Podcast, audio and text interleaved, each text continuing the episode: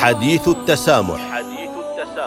التواصل مع الحضارات والأمم يعزز التآلف الإنساني ويقدم انموذجا للتعايش مع الآخر وبما يؤدي إلى تحقيق أسباب السلام. حديث التسامح برنامج يعده ويقدمه سعادة الدكتور محمد بن سعيد المعمري. حديث التسامح.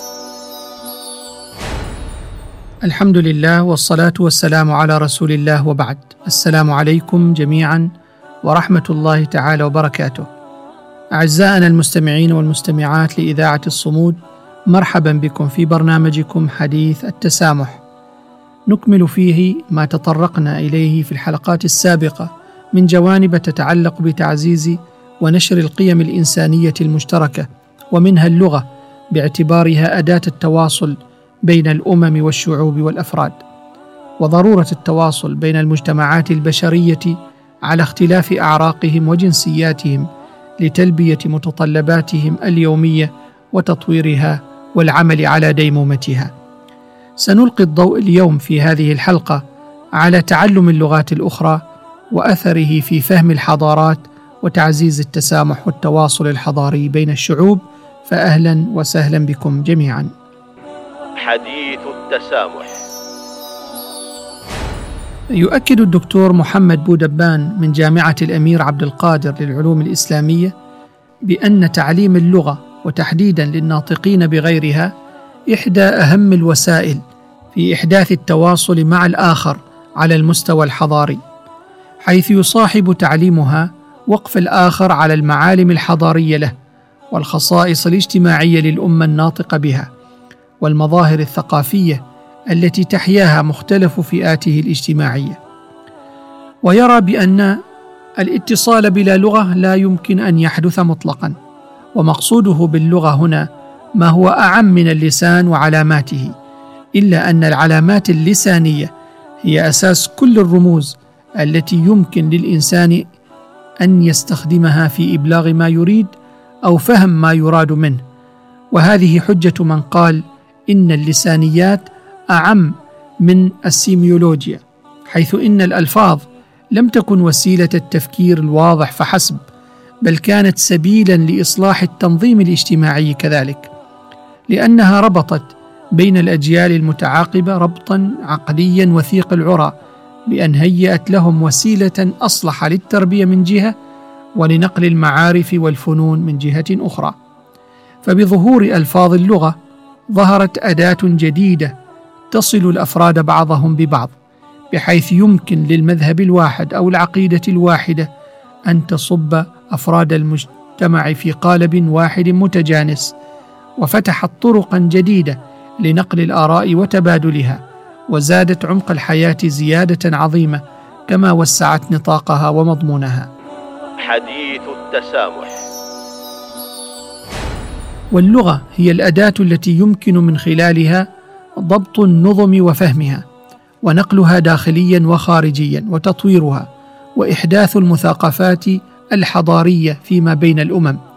ومن دونها يكون الناس في فوضى عقلية لا يمكنهم الخروج منها لأن الأفكار تبنيها وتصوغها اللغة وتعكس اللغة ثقافة المجتمع الذي يستخدمها وتصور بيئته وتعبر عن أفكاره والعلاقة بين مفردات اللغة خاصة وثقافة المجتمع علاقة ضرورية. ومن ثم كان وجود الألفاظ الأجنبية في لغة من اللغات دليلا على تأثير ثقافة هذا المجتمع في المجتمع الآخر وكان تحديد مجالاتها الدلالية مشيرا إلى مجالات هذا التأثير.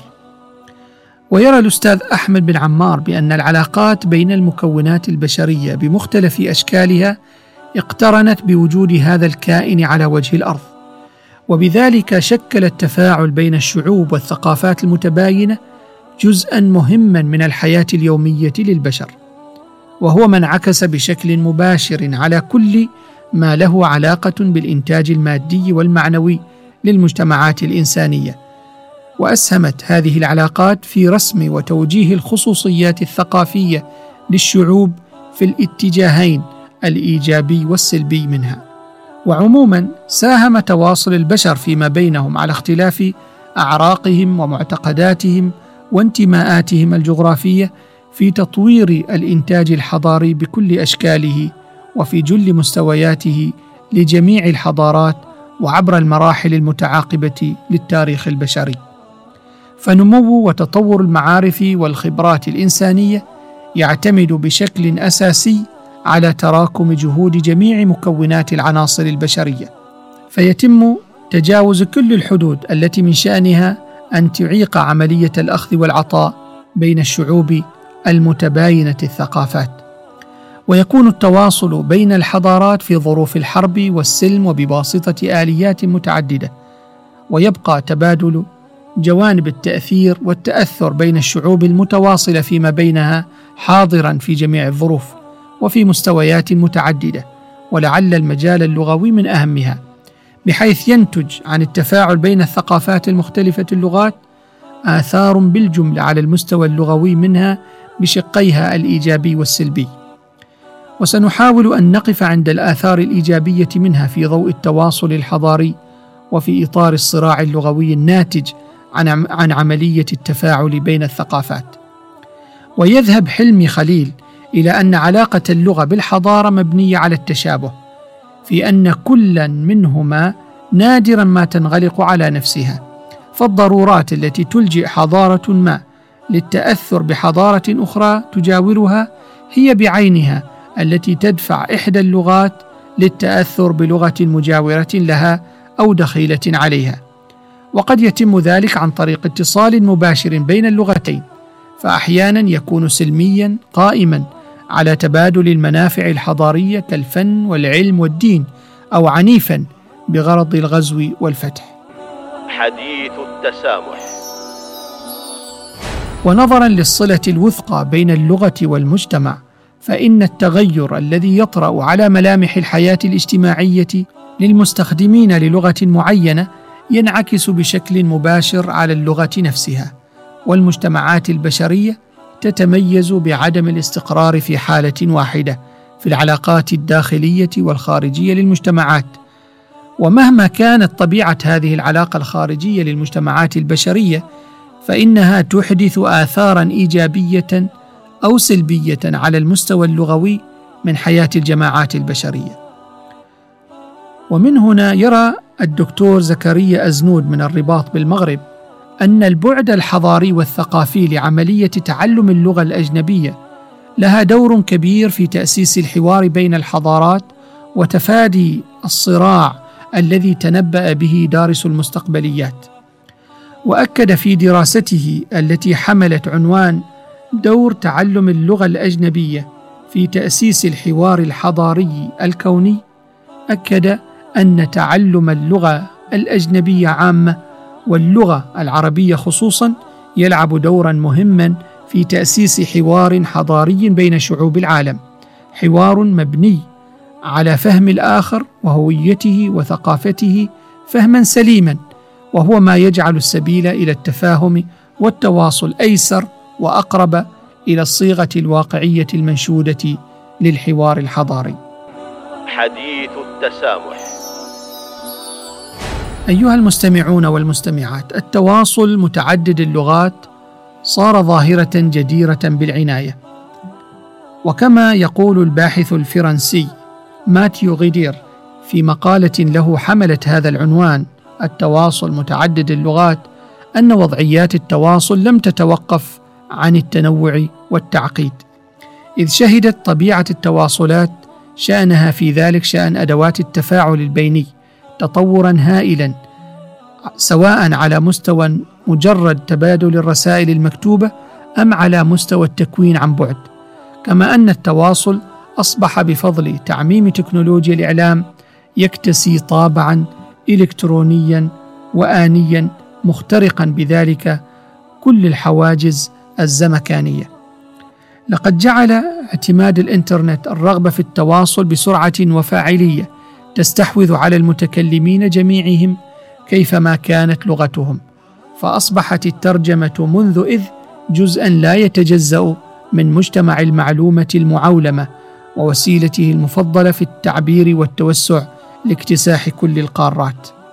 ووعيا منها بأهمية الترجمة ودورها الذي لا محيد لها عنه فقد تبنت العديد من الدول سياسات لغوية إرادوية واضحة المعالم ووضعت برامج طموحة تروم لتطوير الترجمة وتحسين مردوديتها. إن عبارة تواصل متعدد اللغات متعددة المعاني شأنها في ذلك شأن كلمة ترجمة فهي تدل على مظاهر متباينة تختلف بحسب اعتبارنا لهذا المصطلح أو ذاك من مكونات العبارة. فالحد الأول تواصل يمكن تعريفه بأنه تواصل اشتقاقيا تجعله مشتركا ومن ثم التواصل يدل على السيرورة أو الفعل المتمثل في ربط علاقة بين شخصين أو مجموعتي أشخاص أو جماعتين. التواصل كذلك يعني حصيلة هذا الفعل ونتيجته أي الشيء المنقول فالإعلان والبرقية والخبر تعد جميعها تواصلات بموجب هذا التعريف. يدل التواصل أيضا على الوسيلة التقنية التي يتواصل بواسطتها الأشخاص. أما فيما يتعلق بالبعد متعدد اللغات للتواصل فله دلالات عدة. فهو تواصل يتم بلغات متعددة. التواصل هو في حد ذاته متعدد اللغات. تواصل يتم بلغة واحدة لكن يتم نشره بعدة لغات. التواصل أحادي اللغة والنشر متعدد اللغات. تواصل ناجم عن سياق متعدد الثقافات وتواصل متعدد اللغات بفعل سياق متعدد اللغات. والأهم من هذا كله أن البعد الحضاري في تعلم اللغات الأجنبية له دور كبير في تأسيس الحوار بين الحضارات وجعل العلاقات الخارجية للمجتمعات البشرية بشكل إيجابي يعمق المفهوم في التقارب والحوار والوئام الإنساني. ونقف عند هذا الحد في هذه الحلقة على أمل أن نلقاكم في الحلقة القادمة بإذن الله لنتحدث إليكم حول حركة الترجمة وهي ضمن إطار التواصل اللغوي بين الأمم والشعوب والثقافات ودورها في بناء التواصل الحضاري في العالم.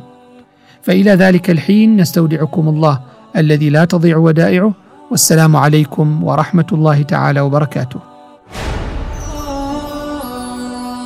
حديث التسامح. حديث التسامح التواصل مع الحضارات والأمم يعزز التآلف الإنساني ويقدم انموذجا للتعايش مع الآخر وبما يؤدي إلى تحقيق أسباب السلام. حديث التسامح برنامج يعده ويقدمه سعادة الدكتور محمد بن سعيد المعمري. حديث التسامح.